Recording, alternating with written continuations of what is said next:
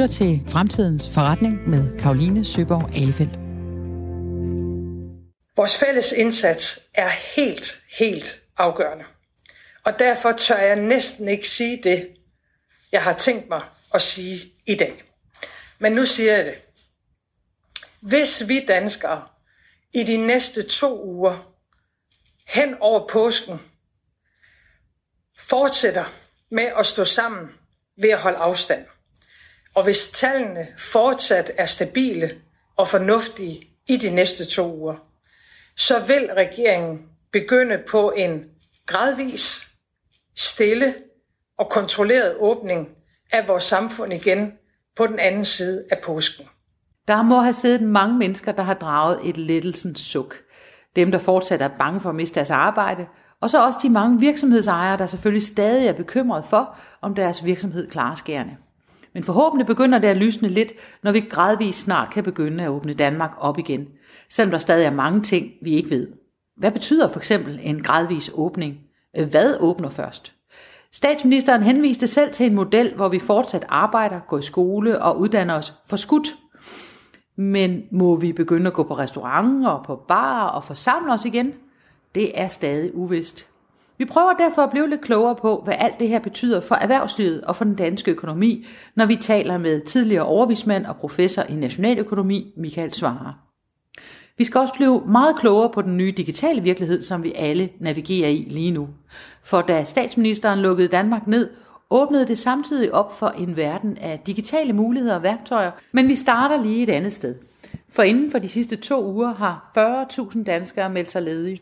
Mange virksomheder har drejet nøglen om, og flere brancher har fra den ene dag til den anden mistet nærmest hele deres omsætning. Men nu er der begyndende lys for enden af tunnelen. Danmark åbner gradvist efter påske, og hvad betyder det så for økonomien og erhvervslivet? Det vil jeg gerne tale med professor i nationaløkonomi og tidligere overvismand Michael Svare om.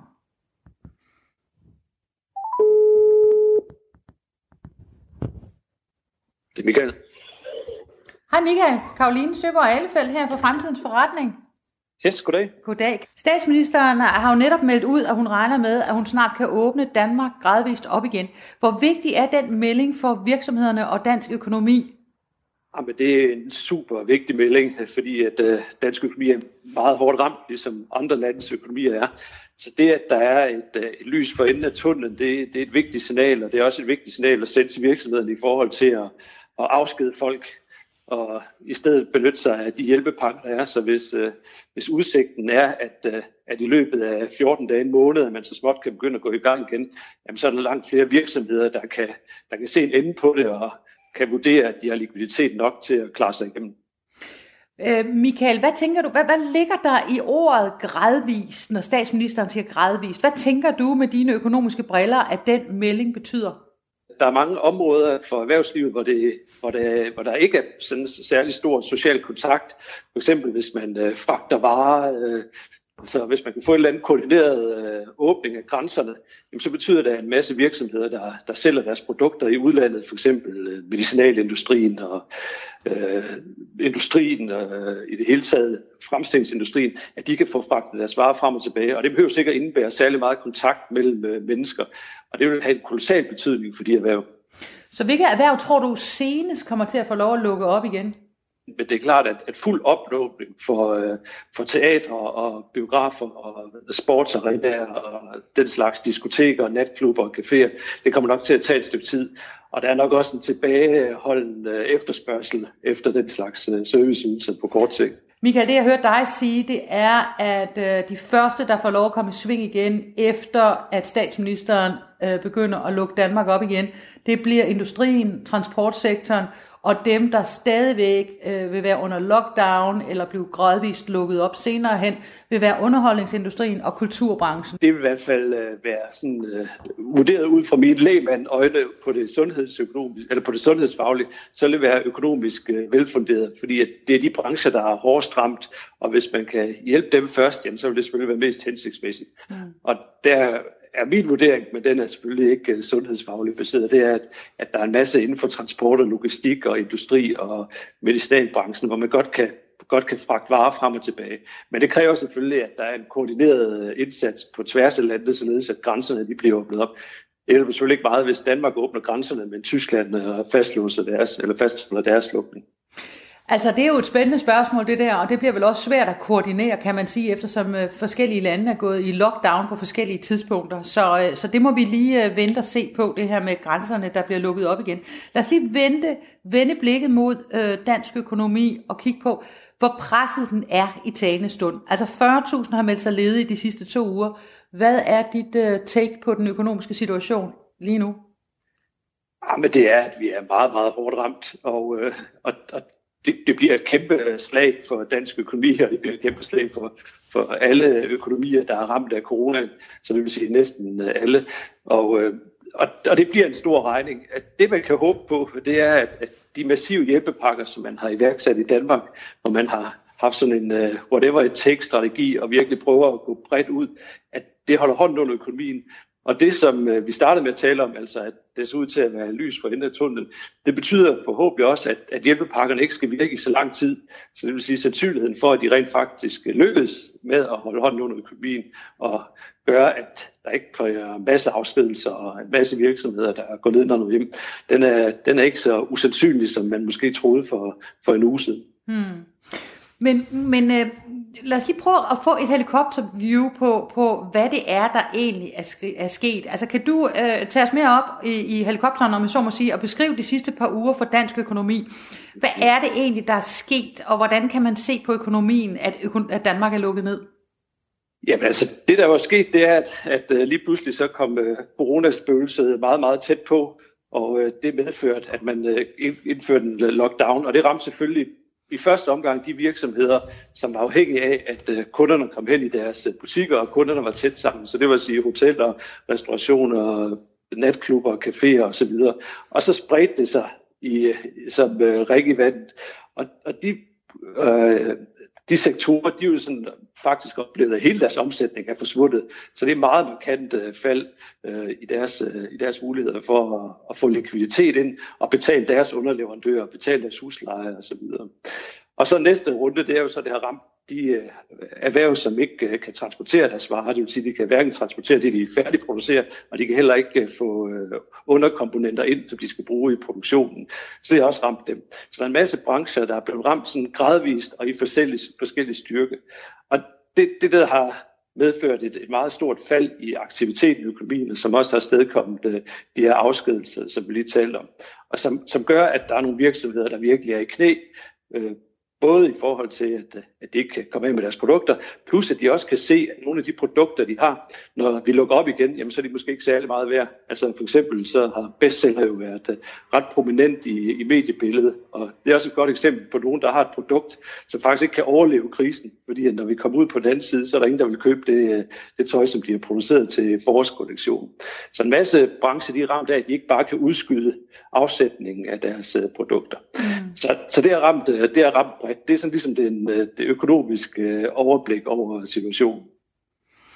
Ja, og, og, og nu er du inde på, at øh, nogen laver sæsonvarer, og nogen producerer fødevarer, som ikke kan spises, øh, øh, øh, hvis, de ikke bliver, eller hvis de ikke bliver solgt, så, øh, så går de jo til. Øhm, og så er der modetøj, som, som du nævner her. Så der er vel noget tabt land, vi ikke kan øh, vinde tilbage igen. Men hvad skal der til, for at økonomien kan komme på fod igen? Jamen altså, det der skal til, det er jo, at, øh, at, at alle de her lockdown-begrænsninger, de ophæves. Og så skal jo flere virksomheder, der er kommet igennem i, i, i nogenlunde form, jamen jo lettere er det at komme tilbage igen. Og det, der heldigvis er tilfældet, det var, at øh, ved indgangen til denne her situation, der var dansk økonomi i rigtig god gænge. Altså vi havde fuld beskæftigelse, vi har meget høj produktivitet i de danske virksomheder, de er meget konkurrencedygtige, vi har en super god konkurrenceevne i forhold til udlandet, og vi har meget sunde offentlige finanser, som gør, at øh, den offentlige sektor kan tage øh, størstedelen af den regning, der kommer til at være på baggrund af det her. Så, så vi har et, et godt udgangspunkt for at komme godt igennem krisen, og den finansielle sektor er, er velkonsolideret og har høj likviditet og høj solvens. Så, så alt taler for, at vi kan komme hurtigt tilbage. Det, der så taler imod det, det er jo, at, at vi er dybt afhængige af, hvordan det går i udlandet. 50 procent af de ting, der bliver produceret i Danmark, dem eksporterer vi, og 50 procent af det, vi forbruger, det importerer vi.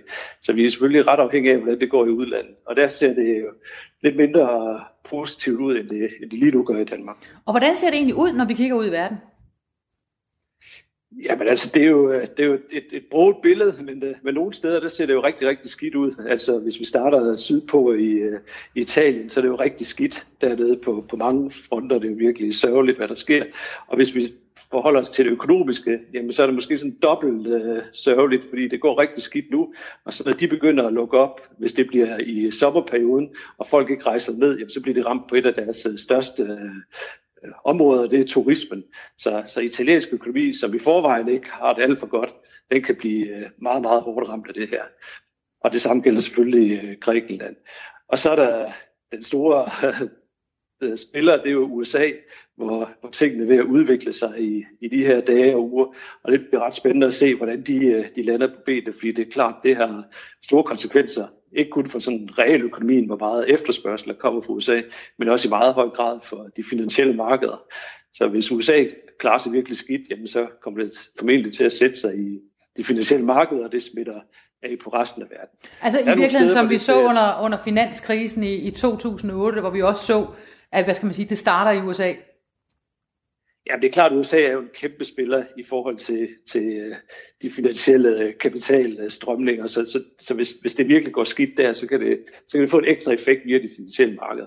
Altså lige nu, der ser det jo, altså det der jo heldigvis er en, en forskel til finanskrisen, hvor, hvor kan man sige, øh, epicenter, det var den finansielle sektor, altså et overophedet boligmarked, der crashede, og så tog den finansielle sektor med ned. Jamen der er vi jo heldigvis i en anden situation, Blandt andet fordi der har været en kraftig regulering i den finansielle sektor i kølvandet på finanskrisen. Og det gør, at nu står den finansielle sektor meget stærkere, end det gjorde dengang. Så, så en vigtig forudsætning for, at, at det her det ikke bliver værre end højst nødvendigt, det er, at den finansielle sektor kommer helt skændt ud. Og det, det ser det heldigvis ud til, at, at, at der er god chance for, at den gør. Så hvis du skulle øh, lige våge et, øh, et gæt her, øh, hvordan, hvad tænker du så? Er vi på vej ud i en recession, der kan sammenlignes med 2008, eller hvad, hvad er dit gæt sådan her og nu? Ja, altså mit gæt det er, at vi, vi, er, vi ser ind i, i værditab, der kommer til at være større end finanskrisen. Det er mit bud. Altså, der er simpelthen meget, meget store tab af værdier, fordi at øh, nogle brancher, hvor omsætningen er helt, øh, helt stoppet. Så vi kan sagtens se en, øh, en faktor 1 eller faktor 2 i forhold til finanskrisen.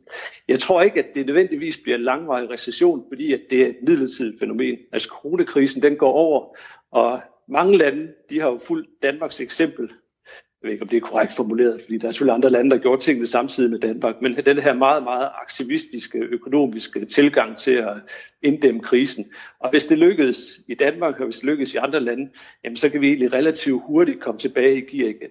Så de fleste øh, prognosemager, de, øh, de tror vel på sådan et, øh, måske ikke et, et, et skarpt V, altså hvor vi får et hurtigt fald og en hurtig tilbagegang, men så måske et, et U, hvor vi hvor vi har en, en, en kraftig, meget, meget kraftig nedgang, det skal man ikke øh, underspille, men så en periode, som kan, som, hvor længden den selvfølgelig afhænger af, hvor, hvor hårdt det kommer til at gå, men så vi kommer tilbage igen.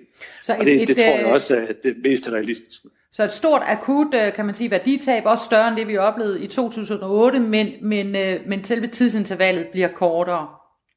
Ja, det er, min, det er mit bedste bud på nuværende tidspunkt. Men det er klart, der er jo der er meget, meget, meget usikkerhed, og ja. mange ting, vi ikke har set endnu, og det kommer selvfølgelig også fuldstændig an på, om, om kan man sige, den sundhedsmæssige strategi, den lykkedes. Altså lykkedes det at, at, at reducere antallet af smittede, lykkedes det at reducere antallet af hårdt ramte og døde, og undgå, at sundhedsvæsenet kollapser. Hvis, hvis sundhedsvæsenet kollapser øh, i afgørende lande, jamen så, er det, så taler vi nok et lidt mindre positivt scenarie, end det jeg tegner her. Ja, ja. ja men øh, så må vi vende tilbage og tale med dig om det, Michael. Men øh, tak, Michael Svare, fordi du vil være med her i Fremtidens Forretning. Vi må håbe på, at Danmark snart lukker op igen, så der kan komme flere penge i omløb i det danske samfund. Tak for nu. Yes, selv tak. Hej hej. Jeg synes, det der er, hvis jeg skal være helt ærlig, har overrasket mig, det er jo, at vi kan få A-kæden i dansk erhvervsliv til at stille sig i spidsen for det her. Alle kendte øh, danske virksomheder, øh, de er i gang med at gøre øh, verdensmålene til en del af deres strategi og identitet. Altså, virksomheder stiller jo ikke om. af filantropiske grunde. Det skal kunne betale sig. Google Hangout, Zoom, Skype, Teams.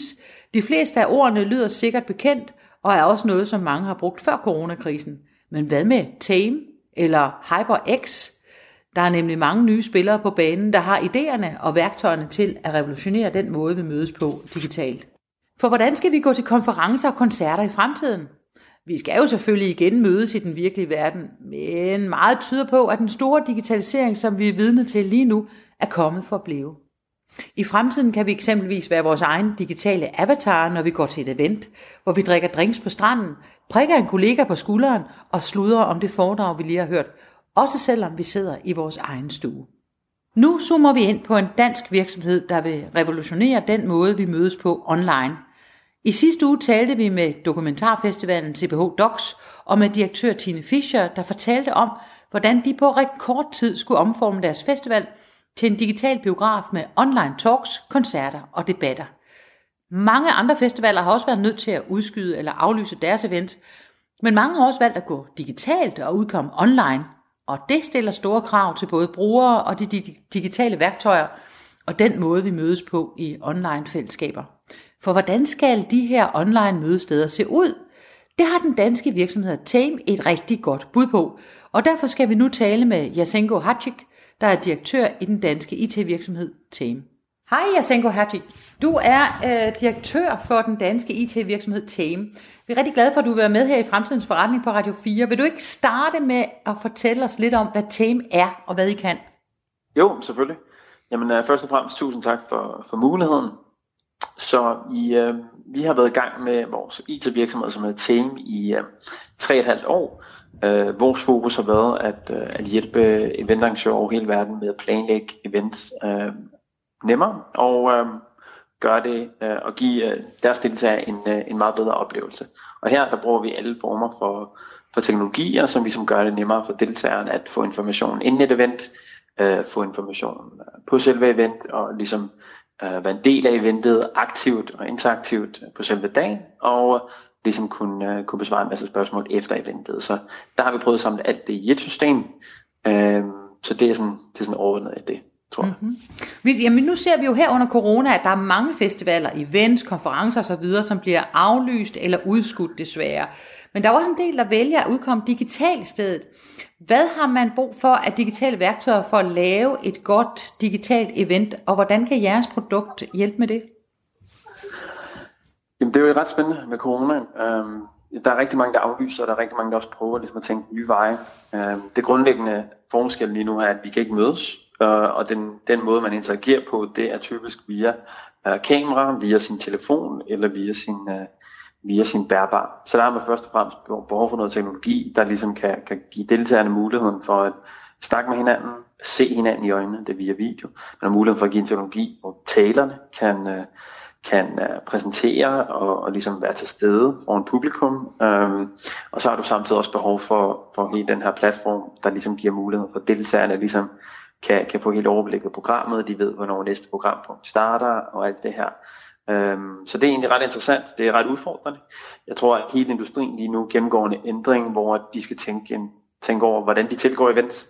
Uh, jeg tror at grundlæggende, det kommer til at ændre uh, hele den måde, hvor man tænker events på, og hvordan man planlægger events på. Så jeg tror, at rigtig, rigtig mange uh, eventarrangører eller mødeplanlæggere, som det nu også hedder hos store virksomheder, de skal egentlig til at gentænke deres jobs fuldstændig, fordi at uh, den måde, man har gjort det på før, kan man ikke længere.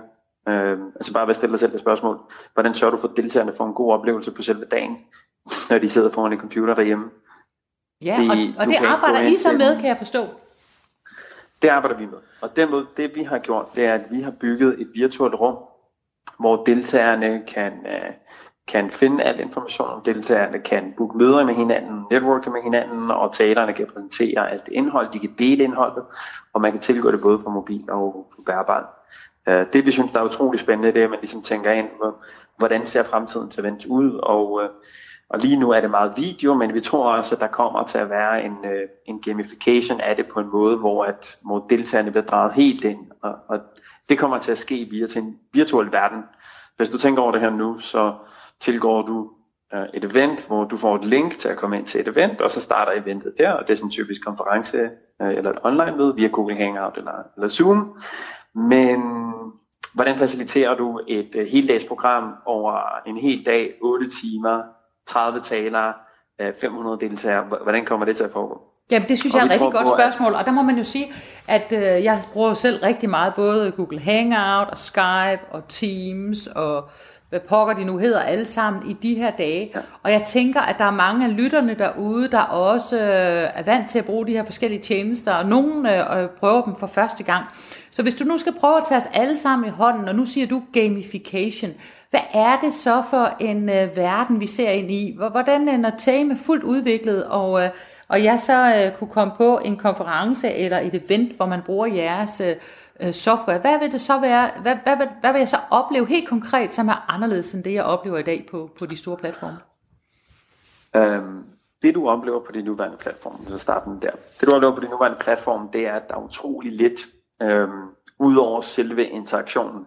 Så det vil så sige, at du får et link, du kommer ind, og så sidder I og snakker sammen.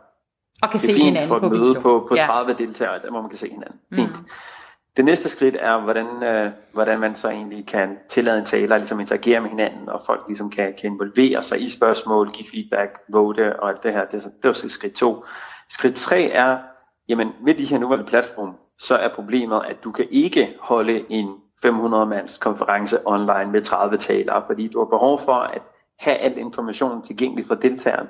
Så lige nu, øh, har du ikke de steder. Det, det, det, den, den måde, du kunne gøre det på nu, det er, at du laver 30 forskellige konferencerum med 30 forskellige links, men der gør det, at det, det giver deltagerne en super dårlig oplevelse, fordi at de ikke har rigtig, de, de skal bruge en platform til at chatte med hinanden, de skal bruge, de skal tilgå et nyt link hver gang, øhm, så det, det kommer til at bryde hele oplevelsen. Det vi kigger på at lave nu, og fremtiden, så hvis vi prøver bare lige at snakke om fremtiden, det der kommer til at ske i fremtiden, det er, at vi gerne vil give Eventarrangører og deltagere en mulighed for at lave virtuelle rum og være meget mere kreative omkring event og deltageroplevelse. Så helt konkret, når du laver et fysisk event her nu, så har du en række øh, venues, du kan vælge imellem på baggrund af dit tema. Så hvis du gerne vil lave noget sjovt, så tager du måske og laver din firmafest på top 1.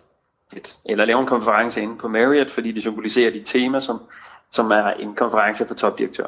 Men hvad nu, hvis du virtuelt også kunne få meget mere frihed til at være kreativ, så at når vi går ind til en virtuel konference, så finder den sted ude i rummet, eller så finder den sted ude på en strand, eller så finder den sted ude på det venue, du designer, som gør, at du rent faktisk kan tage mange af de samme elementer fra spil, og designe dit eget event-univers.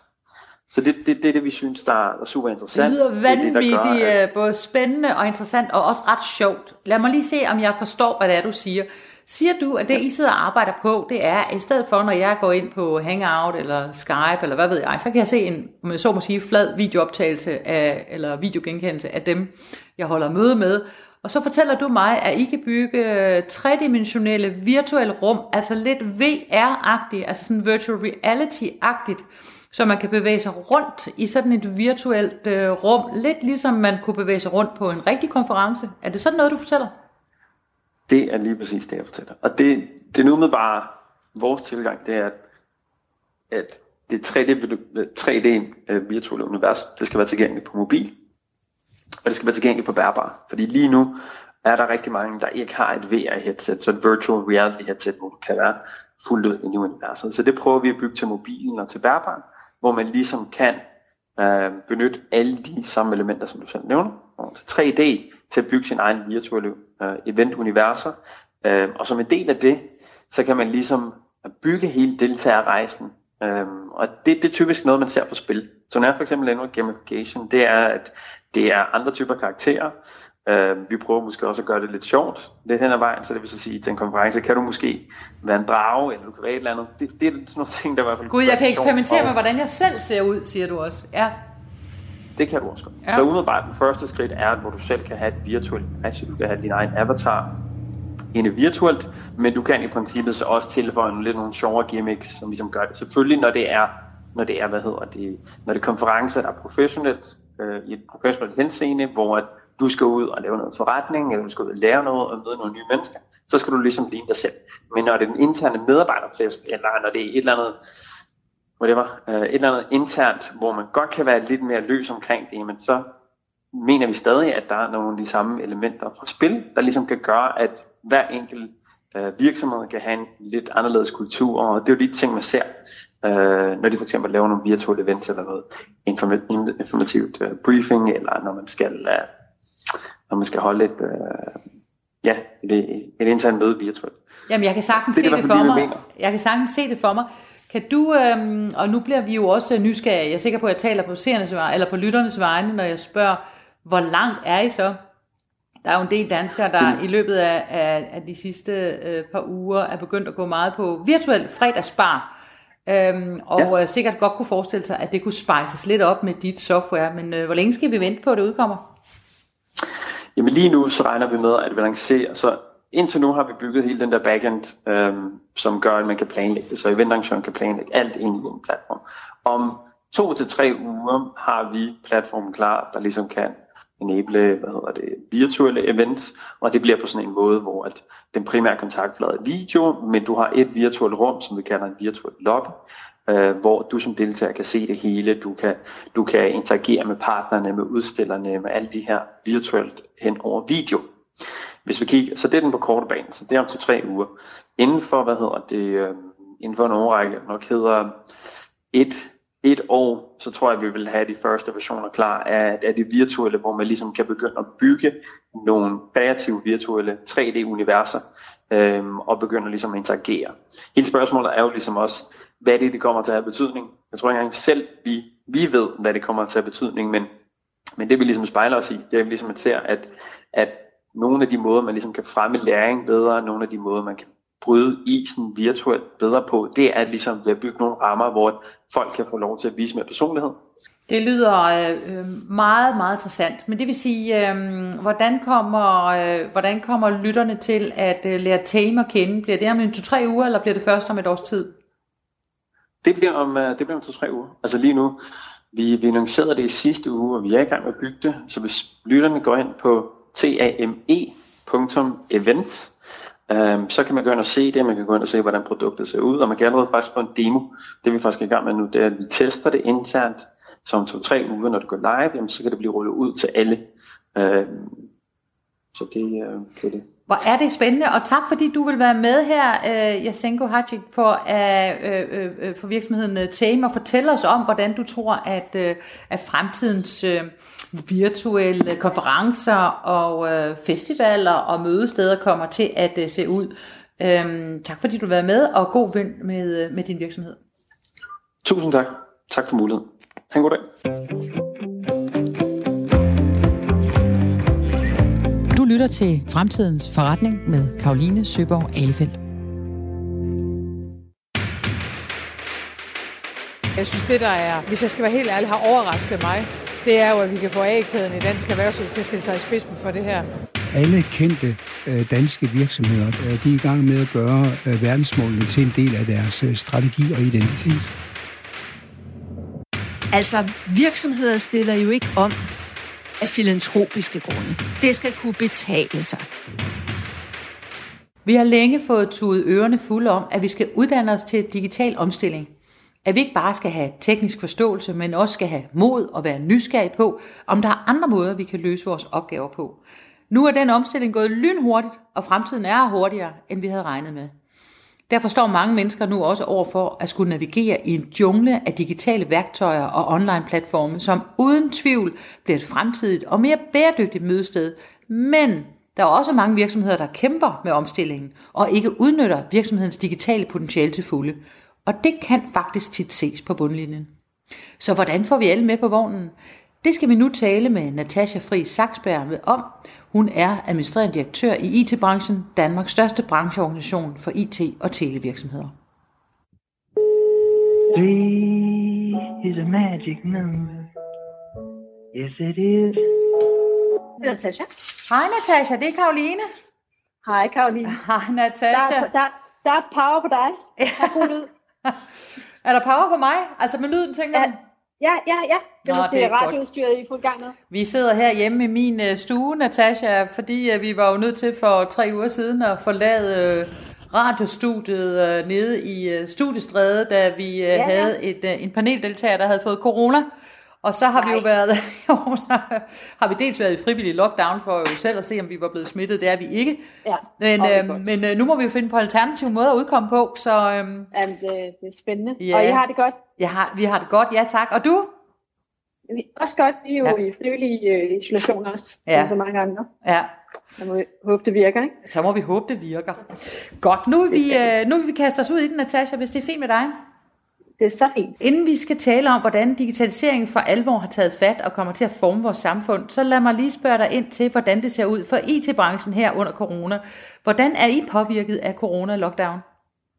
Det er jo meget forskellige øh, virksomheder. Det er både nogle, der sælger hardware og software, nogle, der udvikler, nogle, der rådgiver, digitale bureauer. Så det er et ret øh, svært spørgsmål at svare ensidigt på.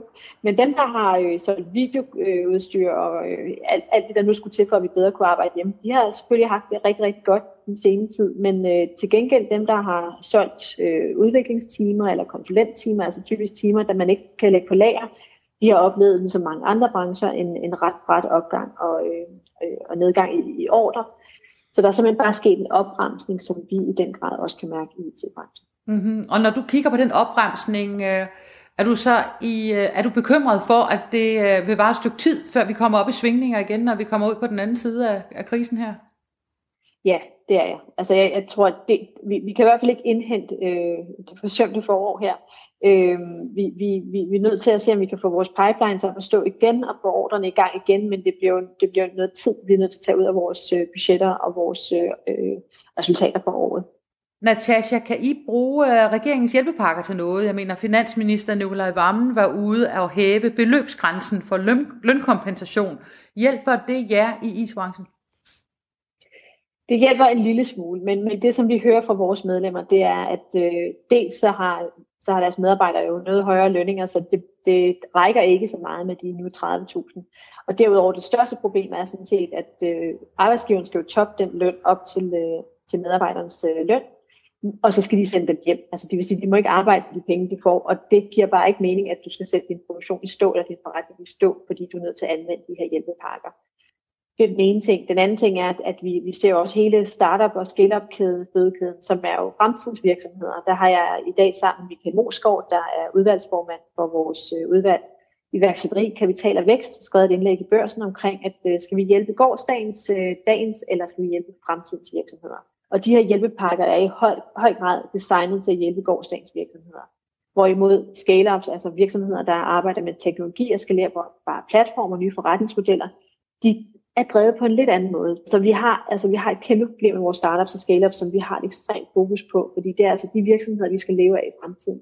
Og hvis der er en masse af dem, der dør lige nu, så mister vi øh, den øh, adgang til eksport og den adgang til vækst, som, øh, som vi skal leve af i fremtiden. Og som direktør i IT-branchen, Natasha, så er det vel, øh, og så er det jo netop dig, øh, der blandt andet er med ude og kæmpe for, at vilkårene for, for fremtidens virksomheder bliver bedre, og de også bliver hjulpet af de her hjælpepakker. Hvad foreslår du helt konkret regeringen at gøre i forhold til støtte til disse startup virksomheder? Der er jo en meget stor forskel. Der er dem, der har flere hundrede millioner i funding. Så er der dem, der lige er startet op, så er dem, der er på en eller anden vækstrejse, hvor, de måske ikke helt har noget marked nu. Så det vi har gjort, det er sammen med, med, med den her gruppe øh, startups og scale-ups defineret nogle behov, og så har vi udformet tre løsningsforslag, som vi sendte til erhvervsministeren i går aftes.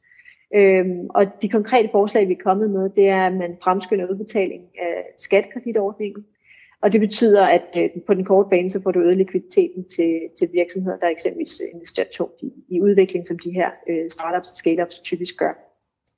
Og så har vi foreslået, at man laver en særlig øh, startup scale pulje på 500 millioner kroner, som kan understøtte øh, den her næste generation, vi skal leve af.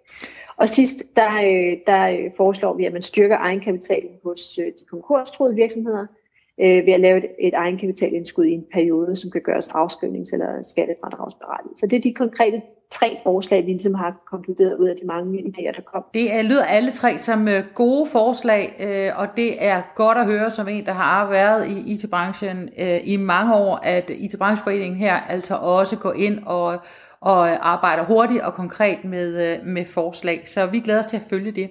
Jeg vil også meget gerne i, det her, i den her samtale, Natasha, tale lidt, hoppe lidt op i helikopteren og tale om, hvad skal man sige, det at vi er mange, der nu sidder og arbejder hjemmefra, og det vil sige, der er jo i gang en mm. stor digital omstilling i det danske samfund. Vi mødes på nye online platforme for eksempel. Og hvad betyder i din optik den her omstilling for det danske arbejdsmarked og for IT-branchen? Ja, hvis du skal udnytte fordelen af den, den uh, acceleration, der kan være i en udvikling, så skal du sætte dig i teknologien sted og sige, hvordan kan vi, hvordan kan vi skabe arbejdsgange og måder at arbejde på, og også et ledelsesmindset og et samarbejdsmindset, der passer øh, til de værktøjer, vi nu har mulighed for at anvende.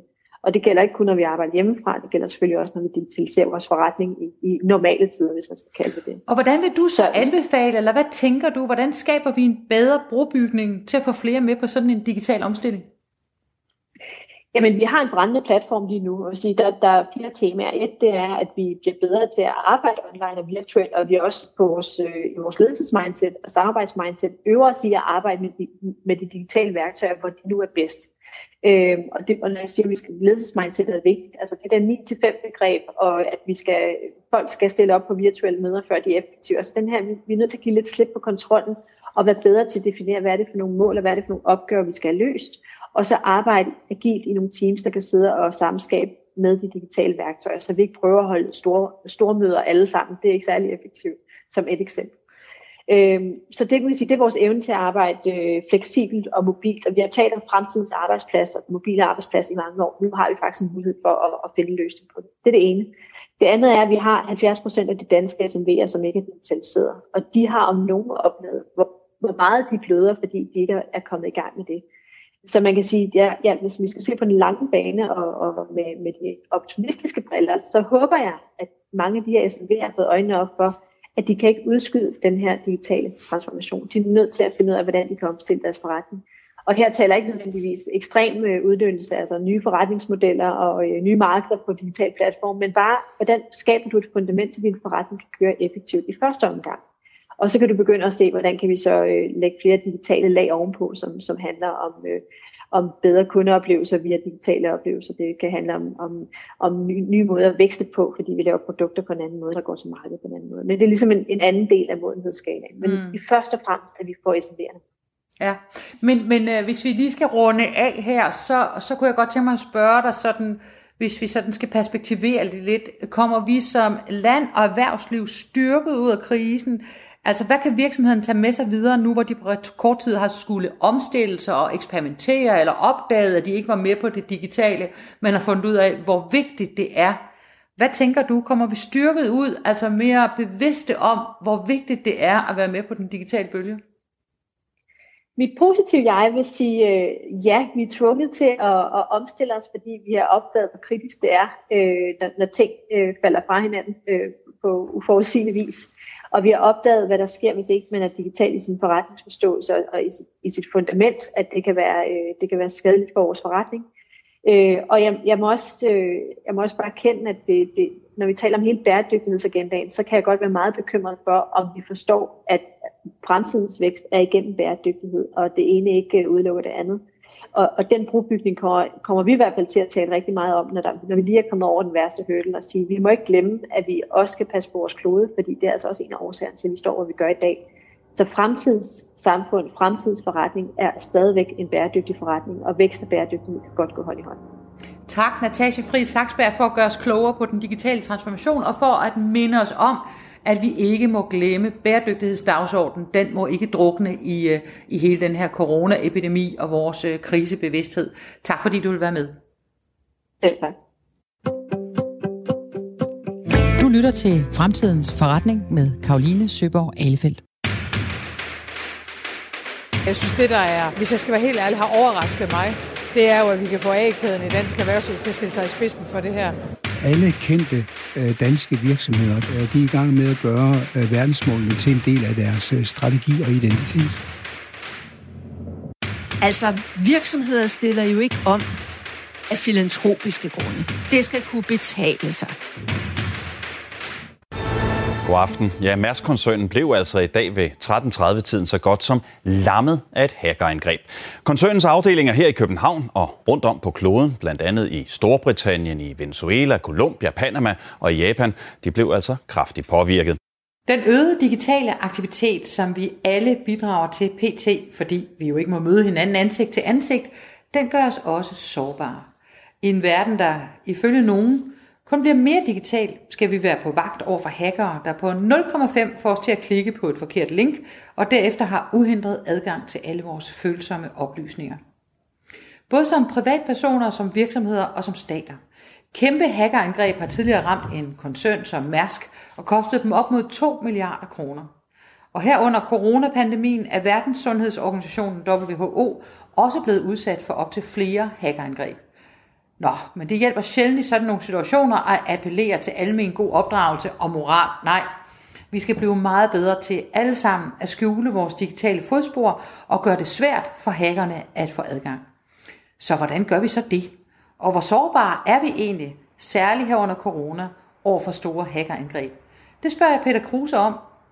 Hej Peter Kruse, du er jo øh, grundlægger af IT-sikkerhedsvirksomheden CSIS. Øhm, tak fordi du vil være med her i, øh, i Fremtidens Forretning. Øh, jeg kunne godt tænke mig at starte med at spørge dig, hvor sårbare er vi egentlig i forhold til hackerangreb nu, hvor vi er så mange, der arbejder hjemmefra?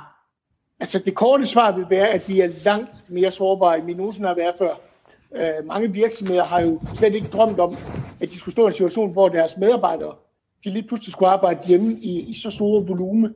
Og derfor så har, har man faktisk ikke været forberedt på det her, hverken på, på hardwaren og på softwaren. Så, så vi står meget, meget øh, sårbart øh, stillet i forhold til, hvis, virks- hvis øh, medarbejderne arbejder inde i virksomheden. Hvad betyder det så? Tror du, hackerne har spottet Danmark?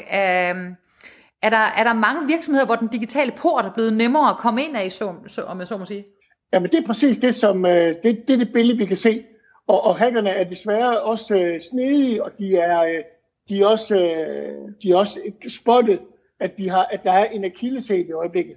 Og akilleshælen, den handler om, at de lokker os med, med spam-mails primært, hvor blandt andet, at øh, fluepapiret, det kan være sådan noget som corona og covid-19, hvor det alle, der sidder derhjemme, jo når de modtager sådan noget, jo vil tænke, det her, det kunne være spændende øh, at læse mere om det. Og, øh, og hvis man så klikker på sådan noget, så risikerer man faktisk, at man åbner en direkte øh, motorvej fra den der hjemmearbejdsplads og ind i virksomhedens netværk. Og det er jo det, er jo det som, som hackerne er, er allerbedst til, det er at finde ud af, hvornår vi er svage og på hvilket tidspunkt. Om vi arbejder hjemme, så er der heller ikke en medarbejder, vi lige kan spørge.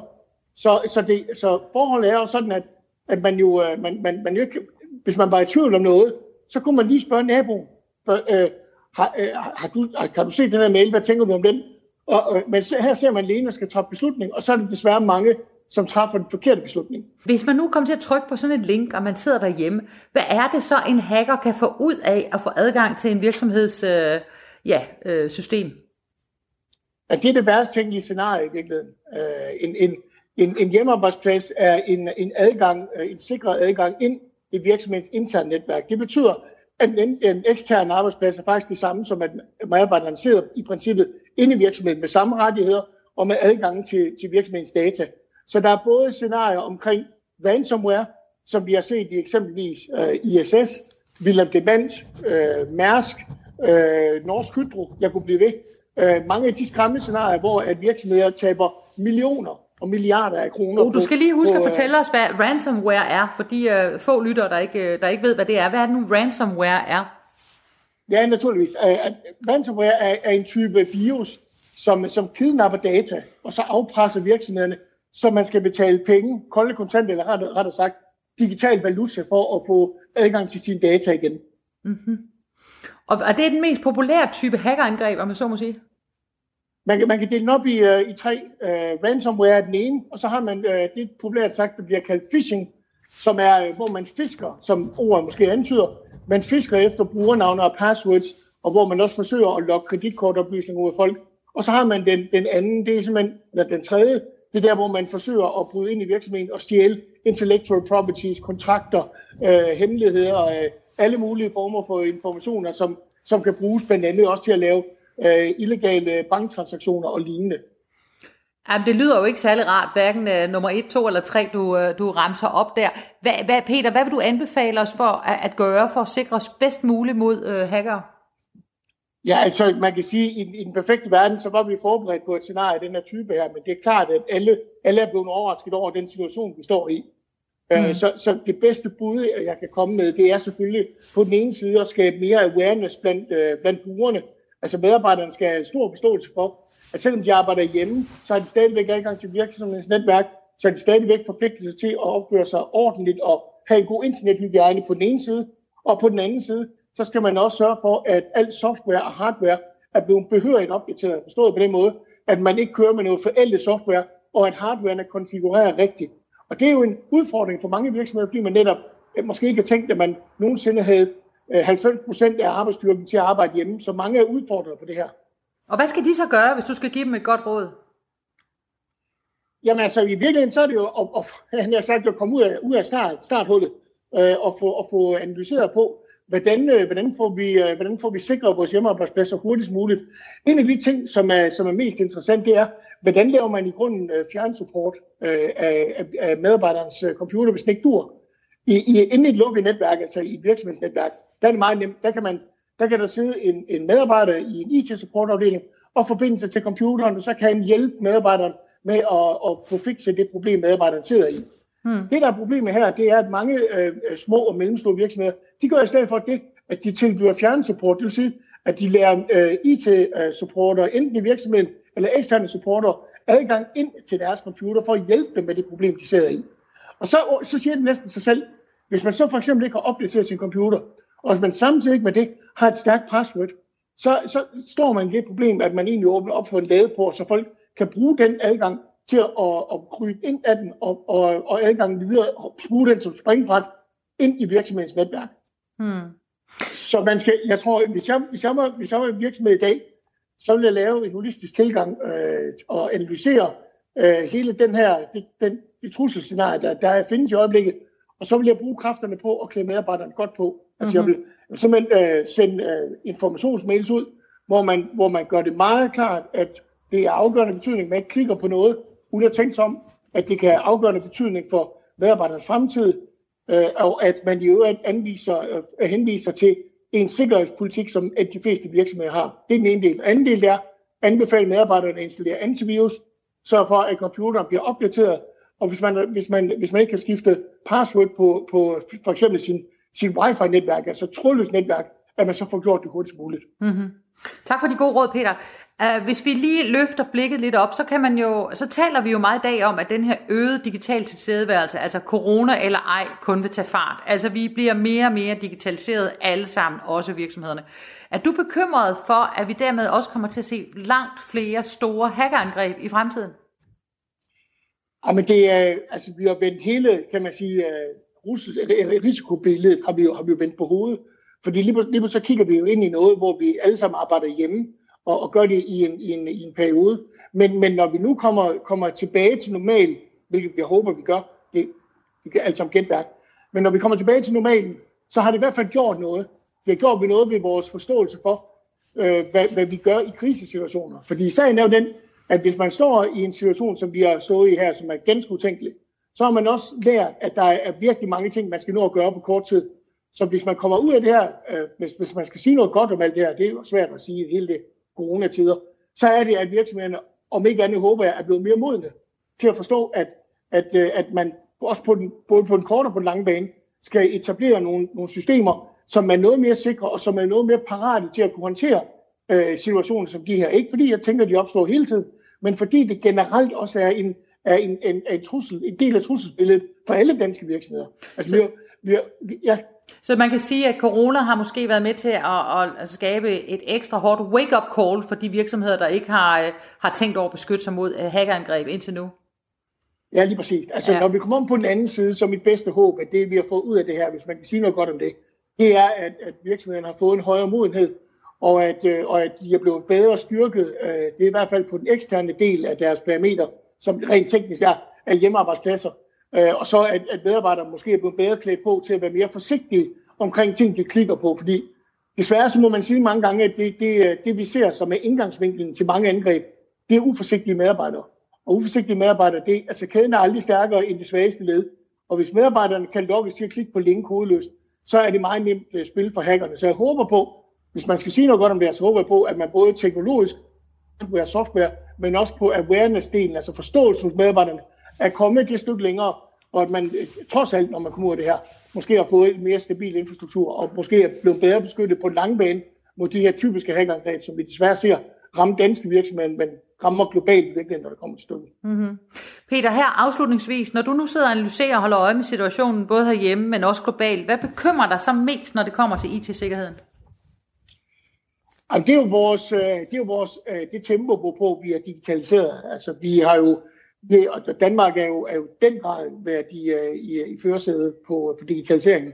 Men, men sagen er den, at hvis man ikke laver et fundament omkring en struktur, det gælder arkitektur i alt, så risikerer man, at tingene brager sammen. Og, og, og vi har desværre, må man, må man se også i øh, bagklodskabens klare lys, der har vi ikke været dygtige nok til at lave en stabil arkitektur, som har gjort, at fundamentet har været stabilt nok. Det betyder, at man ikke tænkt, du har ikke tænkt sikkerhed ind i det.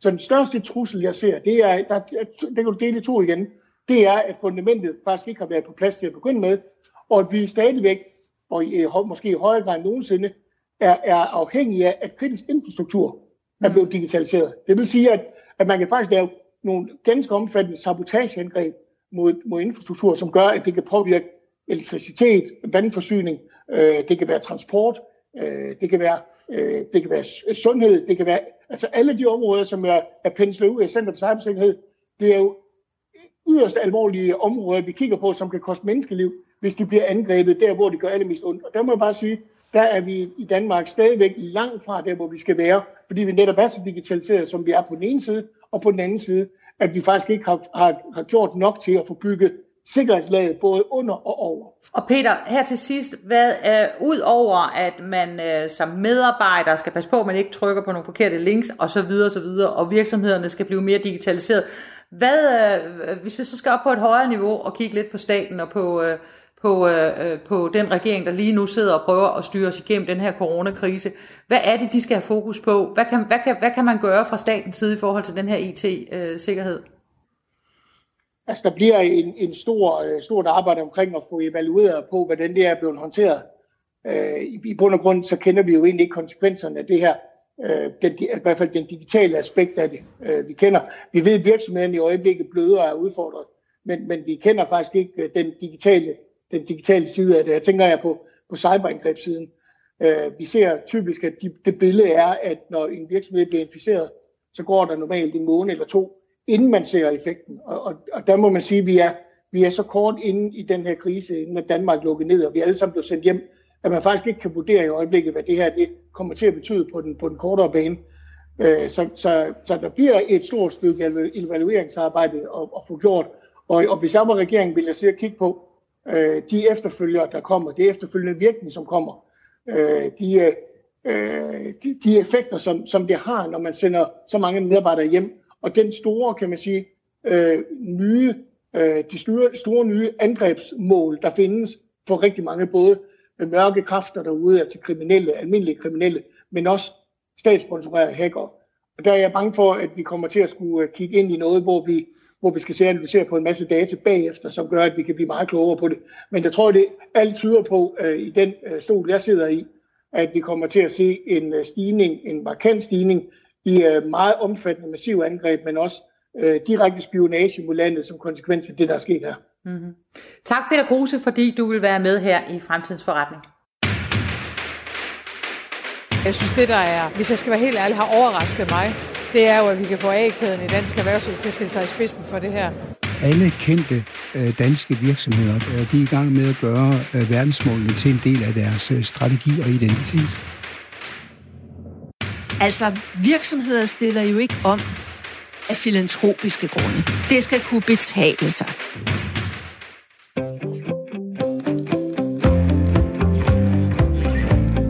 Til Fremtidens Forretning med Karoline Søborg Alefeldt. Det var alt for Fremtidens Forretning i dag. Tak til min tilrettelægger Anna Rigas og til redaktør Lene Julbrun. Hvis du har gode idéer til programmet, så skriv endelig til os på fremtidens forretning af radio4.dk. Vi sætter stor pris på alle jeres henvendelser med gode bud på historier, vi skal kigge nærmere på. Og så er vi tilbage næste uge, og lad os da krydse fingre for, at statsministerens meldinger holder stik, så vi gradvist kan begynde at åbne Danmark op igen. Det skal blive godt.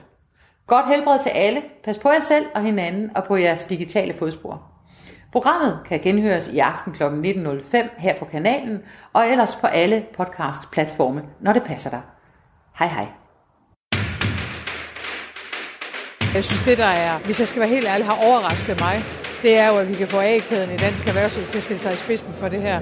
Alle kendte øh, danske virksomheder, øh, de er i gang med at gøre øh, verdensmålene til en del af deres øh, strategi og identitet. Altså, virksomheder stiller jo ikke om af filantropiske grunde. Det skal kunne betale sig. Du lytter til Fremtidens Forretning med Karoline Søborg Alefeldt.